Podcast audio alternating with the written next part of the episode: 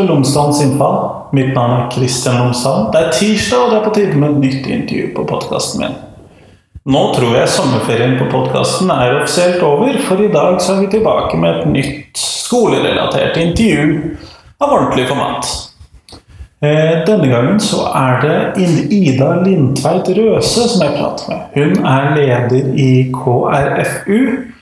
Hun går nok av ved neste årsmøte i organisasjonen. Men frem til omtrentlig oktober så er hun fremdeles leder.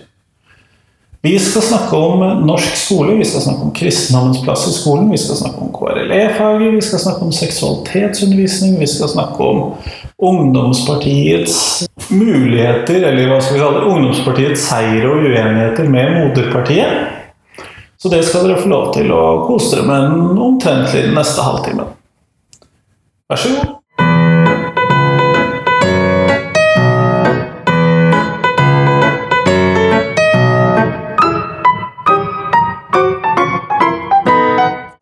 Tusen takk, Ida, for at jeg fikk lov til å komme og snakke med deg. Jo, bare hyggelig. Kunne du sånn for å starte, kunne du fortelle lytterne mine tre ting om deg selv? Ja, jeg er eh, leder i KrFU eh, og lokalpolitiker i den vakre kommunen Oppegård, som snart blir Nordre Follo. Og så eh, er jeg veldig glad i musikk og synge. Er dårlig på piano, så jeg spiller aldri for andre, men synger kan jeg gjøre. Og er relativt avhengig av Pepsi Max. Det er det nok mange som er. Jeg har hørt at det er avhengighetsskapende. Ehm, for å starte dagen i dag, da, så nærmer det seg jo nå valgkamp og Eller den har begynt, kanskje. Ehm, og noe av det som ser ut til å være de store sakene, som alltid, er jo skole. Mm. Og du som leder for KrFU og deg, hvordan ser Hvordan tenker dere at vi bør utvikle norsk skole? Jeg tenker Det viktigste i norsk skole det er at hver enkelt elev blir sett og, og, fanget opp. Jeg tror man er veldig god, og sånn er det jo. Altså Når man sitter med budsjetter, skal prioritere, skal få mest ut av hver enkelt krone. Men at man lager en skole som er eh, tilpassa en slags gjennomsnittselev. Det skal jo sitte omtrent 24-30 i den klassen, og, og det er ganske utfordrende for en lærer med så mange elever å skulle tilrettelegge og se alle elevene i den klassen. Eh, så det tenker jeg er den store utfordringen, og det viktigste i norsk skole. Det er at hver elev blir sett og fulgt opp og sett for den de er, med hele seg. Eh, ikke bare liksom, de faglige resultatene eller bare utfordringene eleven har, men eh, ja, hele, hele personen med alle egenskapene. Ja, og KrF har vel i hvert fall gått til valg på at det skal være um en minstenorm for antall elever, i hvert fall i småskolen? Ja, vi har gått inn for en norm både i småskolen og videre. fordi at hvis man bare har det for småskolen, så er det en stor risiko for at man tar liksom lærerne fra femte klasse og setter dem i første klasse. Eh, men det tror jeg er et viktig steg, da, at man får færre elever per eh, lærer. Eh, og at kommunene blir litt tvunget til det. Eh, fordi eh, i utgangspunktet så mener jeg at det er kommunene som skal bestemme fritt hvordan de skal fordele pengene. At vi skal stole på lokalpolitikerne våre. Men akkurat lærertetthet, det eh, koster ganske mye, så det er avhengig av at man har mye statlige midler. Eh, og det er et sted som det er relativt lett å kutte.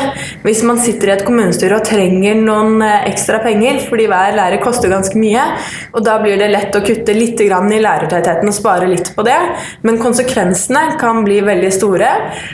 Og konsekvensene kan jo også være at det blir dyrere etter hvert for kommunene hvis man ikke greier å følge opp elevene. Ja, for dette, Nå høres det jo litt ut som at rikspolitiker-Ida har lyst til å overstyre lokalpolitiker-Ida? dag. ja, noen ganger så kan man tenke seg det, for det er ofte der pengene kommer fra. Men eh, nei, i utgangspunktet, som sagt, da, så er jeg veldig opptatt av at lokalpolitikerne skal få lov til å bestemme mest mulig. Eh, og kunne prioritere eh, sånn som de mener det er riktig i sin kommune. For det er store, store lokale forskjeller. Eh, samtidig så mener jeg at vi må ha en slags minstenorm og si at dette er standarden. Og så er det kanskje noen skoler hvor det er ekstra utfordringer, hvor man trenger flere lærere. Og da må man ha frihet til å sette inn det. Blir det ikke da veldig lett at man bare kjører på minstenormen uten å egentlig tenke seg gjennom hva som trengs på den enkelte skole? Det er jo det vi har sett nå da, eh, de siste årene, når man fjerna normen. Eh, at klassene har utvidet seg og utvidet seg og utvidet seg. sånn at dette er jo på en måte en oppstramning. Eh, og vi har jo satt grensen på 15 elever i småskolen, og det mener jeg er et ganske godt tall. Det er få skoler, hvis ikke du har på en måte en veldig liten skole, det er en bygdeskole sånn, som faktisk har det elevantallet per lærer i dag. Ja, det tror jeg på. Eh, statistikken jeg har sett tyder vel også på det, men tenker dere da eh, to eh, lærere i da samme rom med 30 elever, eller tenker dere hvert klasserom med 15 elever og så én lærer?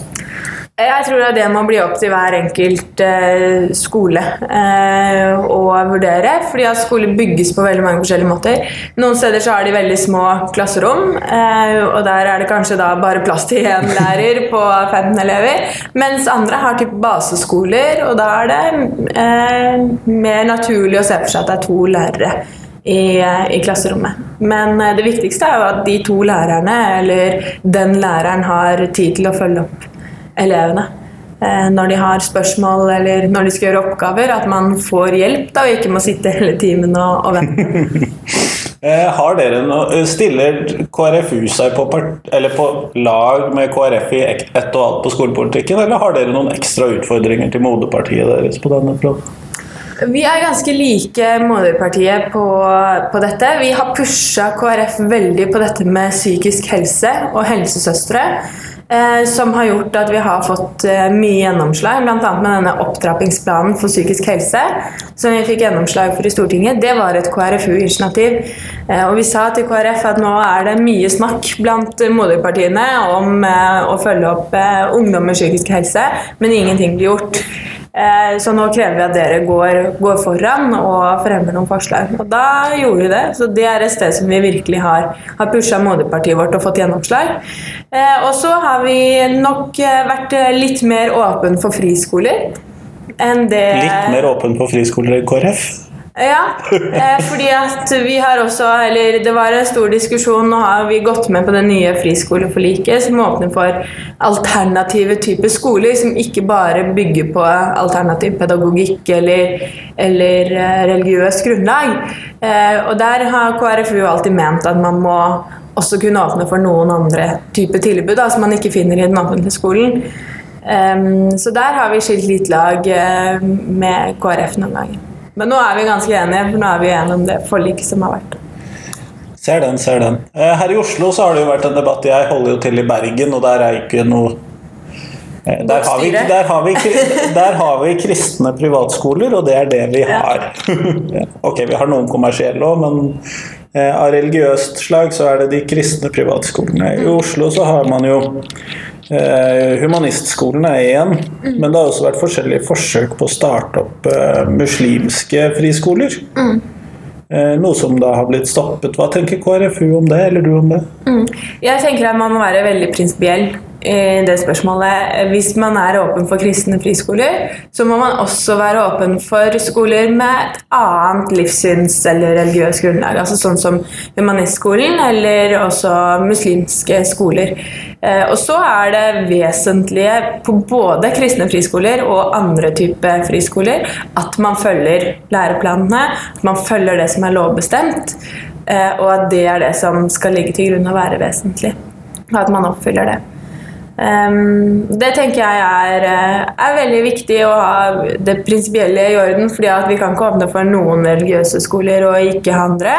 Uh, og grunnlaget for å kunne åpne for religiøse friskoler, da, det er jo nettopp at uh, man gjennom menneskerettighetene har mulighet til å velge hva slags type undervisning barna sine som foreldre skal ha. Eh, og da er det foreldreretten som står sterkt, og den står like sterkt for de som er kristne eller humanetikere eller muslimer.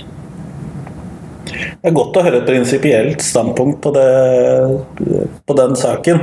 Eh, jeg må innrømme at jeg har tenkt at det kan være greiere at man kutter ut muligheten fremfor at man skulle nekte noen.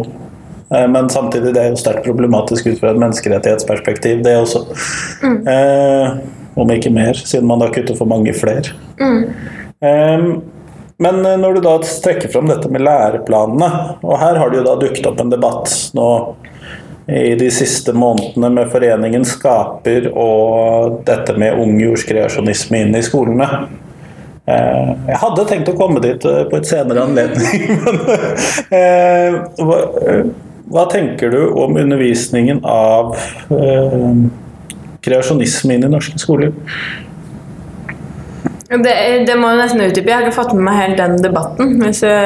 Ja, altså fordi at Noen vil jo at man Evolusjonslæren, eller evolusjonsteorien, står jo relativt sterkt i mm. naturfag, f.eks. i norsk skole, men enkelte grupper innenfor det såkalte, nå i gåseøyne, Kristen-Norge, mm. ønsker jo også da å ha inn alternativer til, eller at man skal kutte ut evolusjonsteorien, eh, slik som man f.eks. nå har sett i Tyrkia. Ja. Nei, jeg tenker at Man kan ikke kutte ut uh, evolusjonsteorien i naturfagene. Um, og jeg mener at man skal følge de læreplanene som er, og de læremålene som foreligger. Uh, men så har jo kristne friskoler også eller andre typer religiøse friskoler har muligheten til å forkynne i andre fag. Uh, og da må man eventuelt gjøre det der. Eh, men jeg ser det på som helt vesentlig at eh, alle barn får den opplæringen som man skal ha i de ulike fagene. Og så er for de aller fleste i Kristen-Norge så mener man jo at evolusjonsteorien er eh, gyldig, og at den går hånd i hånd med det kristne budskap.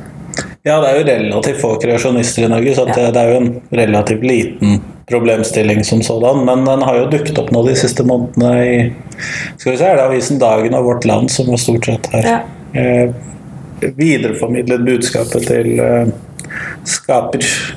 Foreningen Skaper. Eh, men når vi først er inne på kristendommens plass i skolen eh, Og for meg som humanetiker så er jo det et relativt eh, viktig punkt at skolen er eh, hva skal vi kalle det, likestillende på dette området her i forhold til hva den forkynner. Men hvilken plass tenker du at uh, kristendommen skal ha i norsk skole? Jeg tenker det er viktig at kristendommen har en stor plass i norsk skole på bakgrunn av den tradisjon og kultur som vi kommer fra, og at man lærer om det. Og Derfor så mener jeg det er helt riktig at man har f.eks. flere kompetansemål innenfor kristendom enn det man har for andre religioner. Eh, men jeg er også veldig opptatt av at vi ikke skal ha et forkynnende religionsfag i norsk skole. Og så tenker jeg at det er veldig viktig på den andre siden, da, det hører kanskje ikke du så mye om, at man ikke går på en måte motsatt vei i undervisningen. At eh, de som har en tro, blir på en måte stilt til ansvar eh, for den troen i klasserommet. Eller at læreren sier at ja, dette tror muslimene på, men det er selvfølgelig feil. Eller dette tror de kristne på, men det er bare de kristne som gjør det. Eller kom med sånne type bemerkninger for å skulle være slags nøytral. Som vil legge et press på de som har en religiøs tro i klasserommet, og kanskje føle på at de må forsvare det, eller føle at læreren sin har feil. Eh, så jeg tror det er veldig viktig at eh, norsk skole har Eh, eller at lærerne har kunnskap om de ulike religionene, hva som tilhører de ulike religionene, sånn at man ikke underviser på en måte som skaper fordommer mot andre religioner eller livssyn. Eh, at ikke man som elev føler at man må stå til ansvar eller rette opp i det læreren sier. Um, og Derfor har jeg også etterlyst at det må være mer plass for tro i norsk skole. Altså Én ting er på en måte den generelle undervisningen om de ulike religionene. Hvor kommer religionen fra? Hva er de viktigste kjennetegnene på religion osv. Men også det trosperspektivet. Hva betyr det å tro? Uh, sånn at uh, elever i norsk skole, uavhengig av hva de tror på, får en respekt for ulike trosgrunnlag, vet hva det innebærer. Um, Men vil ikke det fort bli veldig kristennormativt? Nei, fordi det gjelder akkurat det samme for muslimer som for kristne eller for buddhister osv. Men man... tro er jo ikke det samme i disse religionene som du nå nevner? Nei, men trosperspektivet, det at man tror på, på noe, og det at det legger føringer for mange, da. for livet deres, og at det er greit, og at det skal respekteres. Eh, og at det ikke gjør deg til noe spesielt annerledes enn alle andre. Det mener jeg er viktig at eh, norske elever får, får kunnskap om, sånn at ikke det blir noe fremmed. Eh, for det er det man ser f.eks. av hvorfor er det sånn at muslimer, eller muslimske jenter går med hijab. At det eh, kanskje ofte, i hvert fall i norsk samfunnsdebatt, blir fremstilt som noe som på en måte er Kanskje de blir pressa til, eller eh, noe som de egentlig ikke trenger i religionen, og at det på en måte skaper fordommer mot det å gå med hijab. Eh, Istedenfor så må man ha god undervisning om hva som er grunnlaget for hvorfor jenter som er muslimer, velger å gå med hijab, og at det skal respekteres som et religiøst plagg. Eh, sånn at ikke man eh, som muslimsk jente f.eks., eller kristen da, eller andre ting, eh, opplever at det blir stilt fordommer ved, eller eh, at eh, man er utstøtt eller annerledes, eller ja, at man får en større respekt for det. Men den kunnskapen som du der nå sier at man trenger, har jo Sjansene for at vi lærere skal kunne lære bort den, har jo blitt redusert med tanke på KRL-reformen i religionsfaget. Nei, Det vil jeg ikke si, fordi man har jo fortsatt undervisning om alle de jo, men Vi har fått så sinnssykt lite tid til å fortelle om det. Ja, det kan man si, men det kan man jo gjøre hele veien. I norsk skole kan man egentlig fortelle om, om dette. Fordi det handler om Det handler ikke bare om tro eller religion. Det er litt det jeg prøver å få frem. At religion er Ja, mangfold kan jo læres bort i ganske mange fag. Nettopp. Men dette handler egentlig om et litt annet perspektiv. Det, å, det handler mer om å respektere hverandre, se hverandre for den man er. Og ikke ha sånne religiøse eh, merkelapper på folk ut fra hva man tror på. Eh, så jeg tror ikke at det her bare hører innenfor eh, KRLE-faget. Eh, men at det hører inn under den generelle undervisningen som man gjør i alle fag, og det generelle forebyggingsarbeidet man gjør i hele skolen.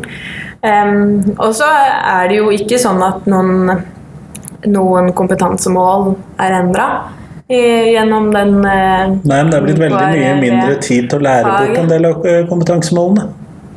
Ja, det er jo opp til, opp til lærerne.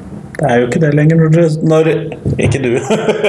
når Moderpartiet var med og kreve ja, at det skulle nei, være altså- tidsbegrensning på kompetansemål. Nei, altså man skal ha om lag halvparten da, av undervisningen i kristendom. Og ser man det opp mot kompetansemålene, så er det ganske eh, naturlig, i og med at det er såpass mange flere kompetansemål. Det er 22,5% kompetansemål i kristendom, og 50% av tiden. Det går ikke helt opp. Nei, men det er i hvert fall eh, viktig at man Jeg mener da at det er viktig at man lærer om kristendom i norsk. Og det er det. Eh, og det lærer man jo i veldig mange fag. Eh, det at det skal være om lag halvparten, gjør at man kan ha litt mindre enn halvparten hvis det er naturlig i den enkelte klasse. Hvis elevene kan mye om disse kompetansemålene fra før. I andre klasser så er det naturlig å bruke kanskje litt mer, eller akkurat halvparten. Den friheten mener jeg at uh, læreren har. Ja, nå tror jeg ikke rektorer og andre tolker det helt på den samme måten. For da tror jeg nok det er et slingringsmonn på en 4-5 prosentpoeng man tenker seg ut i skolen. Aner meg ut ifra de debattene jeg har hatt med andre lærere om temaet. Eh, jo, men her tenker jeg at hver enkelt eh, lærer må jo se altså Hver enkelt lærer har et ansvar for å undervise i de kompetansemålene som er, og sikre at elevene har de. Og når det står om lag halvparten, så er jo det om lag halvparten. Ja, men det blir jo ikke 34% som før. Som, 50% Før så var det jo grensa 34 Det er jo en sånn gjengs tolkning av regelverket med det gamle faget. Eh, og da um, Man kommer seg ikke dit hen selv med en litt sånn rundhåndet tolkning av om lag halvparten. Nei da, men man kan i hvert fall eh, komme ganske nærme. Nærmere, i hvert fall. Ja, jo, det kan man. Det er jeg enig i. Og jeg tror nok det foregår en del vide tolkninger av om lag halvparten. Det tror jeg nok det skjer, men det vet vi egentlig ingenting om, så det er en ren gjetning fra, fra, min side. Nei, det viktigste er uansett at elevene får den kunnskapen de skal ha, og det er jo gjenspeila i kompetansemålene. Uh, Ut ifra hva jeg har sett av eh, diskusjoner mellom KrFU, bare for å hoppe til et helt, men nesten relevant tema uh, Ut fra hva jeg har sett av eh, diskusjoner mellom KrFU og KrF, så går det særlig på dette her som er tilknyttet hva skal vi kalle det, i gåseøyne seksualmoral, seksualundervisning, eh, prevensjon osv. Ser det ut som dere har en del uoverensstemmelser med moderpartiet? Jeg mener egentlig vi ikke har så mange uoverensstemmelser der. Eh, KrF og KrFU har vært veldig tydelige i veldig lang tid eh, på at man må ha en bedre seksualundervisning. Og jeg må si at jeg eh, gremmes litt. Altså, seksualundervisningen var eh, ikke god da jeg gikk på skolen. Den var sikkert ikke god da du gikk på skolen. Eh, og alle partier har liksom sagt at vi må ha en bedre seksualundervisning. Vi må ha en bedre seksualundervisning. Det, det, er ingen forskjell, de ulike partiene, på det. Um, og når man snakker med 15-16-åringer i dag, så sier de ja, det viktigste er at du får bedre seksualundervisning. Og det eh, er jeg litt sånn i beit på. Hvorfor har man ikke greid å gjøre noe med det? Hva skal til for at man greier å få en bedre seksualundervisning? Um, fordi det er eh, et sårt punkt i norsk skole, eh, tror jeg. Og ikke minst at man begynner tidligere. Og så er kanskje seksualundervisning blitt liksom feil ord. Eh, fordi at eh, det høres ut som det går veldig enten på liksom det hva skal man si, veldig praktiske. Teknisk. tekniske. Eller så har du liksom eh, ja, undervisning om menstruasjonssyklus, liksom. At det er det vesentlige. Eller tre på kondom. Jeg tror de fleste av oss gutter ville trengt mer menstruasjonssyklusundervisning, men Men når jeg sier at man må begynne tidligere også, så handler det om f.eks. i barnehagen så må barn få vite at det ikke er greit at en voksen eh, begår et overgrep på det. Si sånn. Og hva som er et overgrep? Og, og hva er et overgrep. Um, og, og, det er det viktig. Og holdninger. Eh, og relasjoner og grensesetting. Det er veldig mange grensesettinger på sånn du skal ikke slå noen. Sant? De grensesettingene må man også ha. Um, og spesielt når det går på relasjon voksen-barn. Eh, og det er jo ganske eh, utfordrende for voksne, f.eks. For foreldre, å skulle spørre barna sine sånn Er det noen som tukler med deg? Tukler med deg sant? Altså, hvordan skal du gjøre det som, som, voksen? Men de spørsmålene der er utrolig viktige. Fordi at barna forteller det ikke nødvendigvis selv. Noen ganger så er det eh, foreldre, men andre ganger så er det også venner, nær familie eller andre personer i samfunnet som begår overgrep overfor barn. Da må barna få språk til å kunne si noe om det. Yes. Så det er helt vesentlig. Og det samme mener jeg på en måte i tidlig barneskole. Det er da man Altså Man ser at uh, gutter da, spesielt ser på porno helt ned i 10-11-årsalderen. Noen mye tidligere enn det òg. Eh, og da har du ikke hatt noe seksualundervisning. Da har du ikke hatt noen uh, undervisning om hva dette er. og det mener jeg man må ha eh, veldig mye tidligere. Så ikke kanskje at du skal lære bort liksom, tiåringer å tre på en kondom, sant? men Nei, det har de stort sett ikke bruk for. Nettopp. Eh, men du må begynne tidligere med dette undervisningen om hva dette er, hva grensesetting er. Eh, holdninger, holdninger til deg selv, eh, dine egne følelser, sånn type ting. Det må Eh, helt fra barnehagealder til ungdomsskolealder man får en bedre undervisning på. For det tror jeg også vil gjøre at både gutter og jenter, spesielt i ungdomsalderen, har noen andre tanker og mekanismer for å sette de grensene. Um, og spesielt når det er alkohol inne i bildet. Altså de aller fleste voldtekter for eksempel, skjer jo på fest. Um, det er usikkert hva er, et, hva er et nei, og det skal egentlig ikke være så innmari usikkert. Uh, sånn at uh, her mener jeg vi har en lang vei å gå, og det har KrF og KrFU stått veldig uh, sterkt på linje på hele veien. Um, og KrF har også vært veldig tydelige etter liksom, KrFUs pushing da, på dette med prevensjon og gratis prevensjon. Der har vi vært også de til de under 16? Ja, Det er jo et uenighetspunkt, da. Men når det gjelder gratisprevensjon og utvide den ordningen, så har vi stått helt på linje. Det var også vi som foreslo både dette med at helsesøster skulle få lov til å skrive ut prevensjon, eh, som er gjennomført ganske nylig, altså i denne regjeringsperioden. Eh, og at andre prevensjonsmidler, altså langtidsvirkende prevensjon, også skulle inn i subsidieringsordningen. Altså Før så var det bare sånn at man fikk Man kan jo få gratis kondomer eh, på nett, men er du jente, så kunne du få p-piller subsidiert, eh, men ikke p-stav eller p-plaster osv. Eller p-ring. Sånn at eh, det er jo gjennomført i denne perioden, og det har KrF vært forkjempere for over lang tid. Nettopp både for å sørge for at folk har trygg og sikker sex, så at vi reduserer antallet aborter og uønskede graviditeter. Um, og at ikke minst, som jeg mener er et vesentlig punkt for å ha en sånn type ordning, at seksuelt aktive får snakke med noen. Um, og om det er en helsesøster eller om det er en lege. Og det mener jeg er spesielt viktig for dem under 16 som er seksuelt aktive. At de har noen ja, det er nettopp de som trenger som den samtalen. De kan snakke med. Um, og derfor har KrFU da, Nå er det et uenighetspunkt med KrF der. Det går litt på sånn Vil dette føre til et sterkere press for den under 16? Jeg mener at de ikke vil gjøre det, fordi det presset er der uansett. Eh, og det er, det er, relativt få da, som har sex før de er 16 år, men det er likevel en gruppe. De er ekstra sårbare, og de er spesielt sårbare hvis de f.eks. har en relasjon med noen som er mye eldre enn dem. Eh, og da er det viktig at de får, får snakke med noen og får på en måte vurdert om dette er en trygg relasjon, og da har de kanskje eh, ønske om å, å, gå på prevensjon. Eh, eller så får de hjelp til å avslutte en sånn type relasjon. Ja, og det er jo nettopp det hvis man har en helsesøster som er der ofte nok til at man kan få et godt forhold til dem, og som er der uansett, og som er en trygg person du allerede vet om? Ja, Det har også vært en kampsak for KrF. da, Det å få flere helsesøstre. Nettopp for at helsesøster ikke bare skal være der for å sette sprøyter. Eh, sånn var det litt da jeg gikk på ungdomsskolen spesielt. At det eneste kontaktpunktet du hadde med helsesøster, det var skal da du skulle sette BCG. liksom. Eh, men at, at helsesøster faktisk også kan drive forebyggende arbeid. Og forebyggende arbeid betyr ikke bare at helsesøster skal komme inn i hvert klasserom en gang i året. For det blir ofte liksom den målingen da, av jo, men helsesøster driver forebyggende arbeid. Hun er inne i ti minutter og forteller hvem hun er og hvor hun har kontor i alle klasserom en gang i året. Du er nødt til å være på skolen òg? Ja, du er nødt til å være på skolen. Og helsesøster har, altså helsesøstre har en enorm kompetanse som ikke lærerne har, og som ikke lærerne skal ha. Eh, og Derfor mener jeg at helsesøster bør være tilgjengelig i friminutter, drive forebyggende arbeid også ute i skolen, kan se ting på en annen måte å oppdage ting.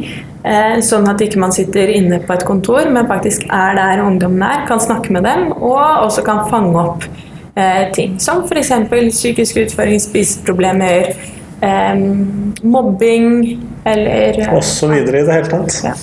Uh, og jeg er jo veldig glad for at man har fått gjennom dette med at de langtidsvirkende prevensjonsordningene skal også dekkes av subsidieringsordningen. Nå er det jo lenge siden noen jeg har vært partner med, har kunnet benytte seg av den men, uh, siden jeg begynner å bli voksen. Men uh, i, I, gode gamle dager så var det jo også slik at da fantes heller ikke gratis kondomer på internett f.eks. Hvis du skulle ha det når jeg gikk på videregående, så måtte du bestille det fra Helseutvalget for homofile. Mm, og det var de eneste som tilbød den type ting.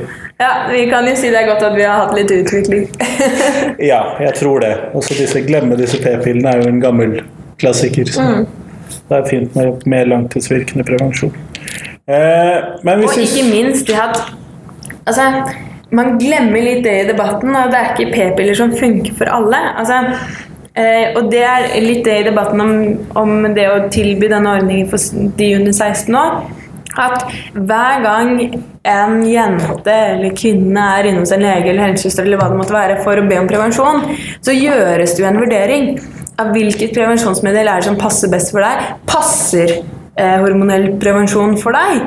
Eh, det er mange spørsmål man skal gjennom, eh, fordi at man har jo noen ulike risikofaktorer. Og, og eh, prevensjon virker forskjellig. Så at den individuelle tilpassingen gjøres jo for alle. Eh, og det er jo også noe som vil gjøres da for en 15-åring hvis den kommer til en helsesøster. Eh, så det tenker jeg også er viktig. at Det er ikke sånn at p-piller funker for alle. Man må også ha andre typer tilbud. Det er jo derfor man har ulik type prevensjon. Kjempeflott. Hvis vi skal ta oss og runde av podkasten eh, for denne episoden nå, så har jeg et fast spørsmål jeg stiller til alle mine intervjuobjekter. Og det er rett og slett hva ville du gjort hvis du hadde fritt mandat og fritt budsjett i norsk skole? Eh, det er jo litt, jeg syns det er litt skummelt når jeg gir politikere retten til å være skolediktatorer, for det kunne friste dem, men eh, ja, hva ville du gjort? Nei, eh, For det første ville jeg jo gjennomført denne lærernormen, eh, sånn at eh, alle elever eh, blir sett og fulgt opp av eh, læreren sin.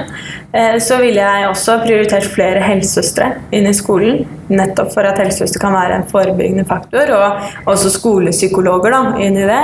Kan ha flere skolepsykologer. Og så til slutt så ville jeg gitt mer makt til læreren. Det er mye byråkrati, mye ting som vi vedtar nasjonalt, som vi egentlig ikke hadde trengt å vedta. Eh, som vi gjør fordi at vi tror som politikere at vi kan alt. Vi har liksom, alle har et forhold til skolen, og alle har vært igjennom skolen.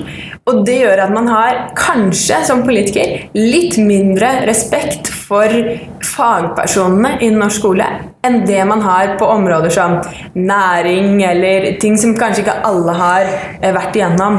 Og det mener jeg er utfordrende for norsk skole, fordi det gjør at man får en del pålegg som ikke politikerne nødvendigvis har belegg for, som man selv syns var en kjempegod idé. eh, og, og det mener jeg er rett og slett feil måte å bruke politikken på. Eh, så jeg ville hatt en, eh, en, kritisk gjennomgang nesten av alt det vi har eh, gjort, hvis jeg er diktator for en lang tid. Gjennomgang av det vi har gjort på norsk skole, og så prøvd å gi mer makt både til læreren, til rektor og til fagpersonene som faktisk sitter med den kunnskapen om pedagogikken og om faget som det å være lærer og det å utvikle Eh, kunnskapen til norske skolebarn har. Kjempeflott. Tusen takk for eh, intervjuet. Jo, bare hyggelig.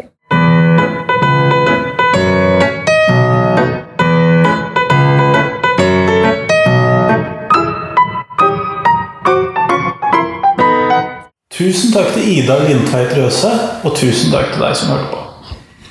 Neste uke så er jeg tilbake med et nytt intervju på podkasten, og da er det Svein Sjøberg som jeg prater med. Svein Sjøberg er professor i emeritus ved Universitetet i Oslo, hvor han har jobbet med utdanningsforskning i en mannsalder. Før han begynte med utdanningsforskning og, utdanning, og det å opplære nye lærere, så drev han med kjernefysikk. Så han, han er egentlig da naturviter og fagdidaktiker eh, på dette feltet. Og det kommer han til å snakke mer om i podkasten neste uke. Ellers så kommer vi innom temaer som PISA, TIMS, testing i skolen og selvfølgelig den generelle delen av læreplanen. Men frem til neste uke så får du kose deg videre med det du eventuelt måtte ha sommervarme. Og så høres vi om en uke. Lik gjerne også podkasten i iTunes, eh, Soundcloud og på Facebook i mellomtiden, sånn flere mennesker får muligheten til å høre om podkasten. Hei, hei!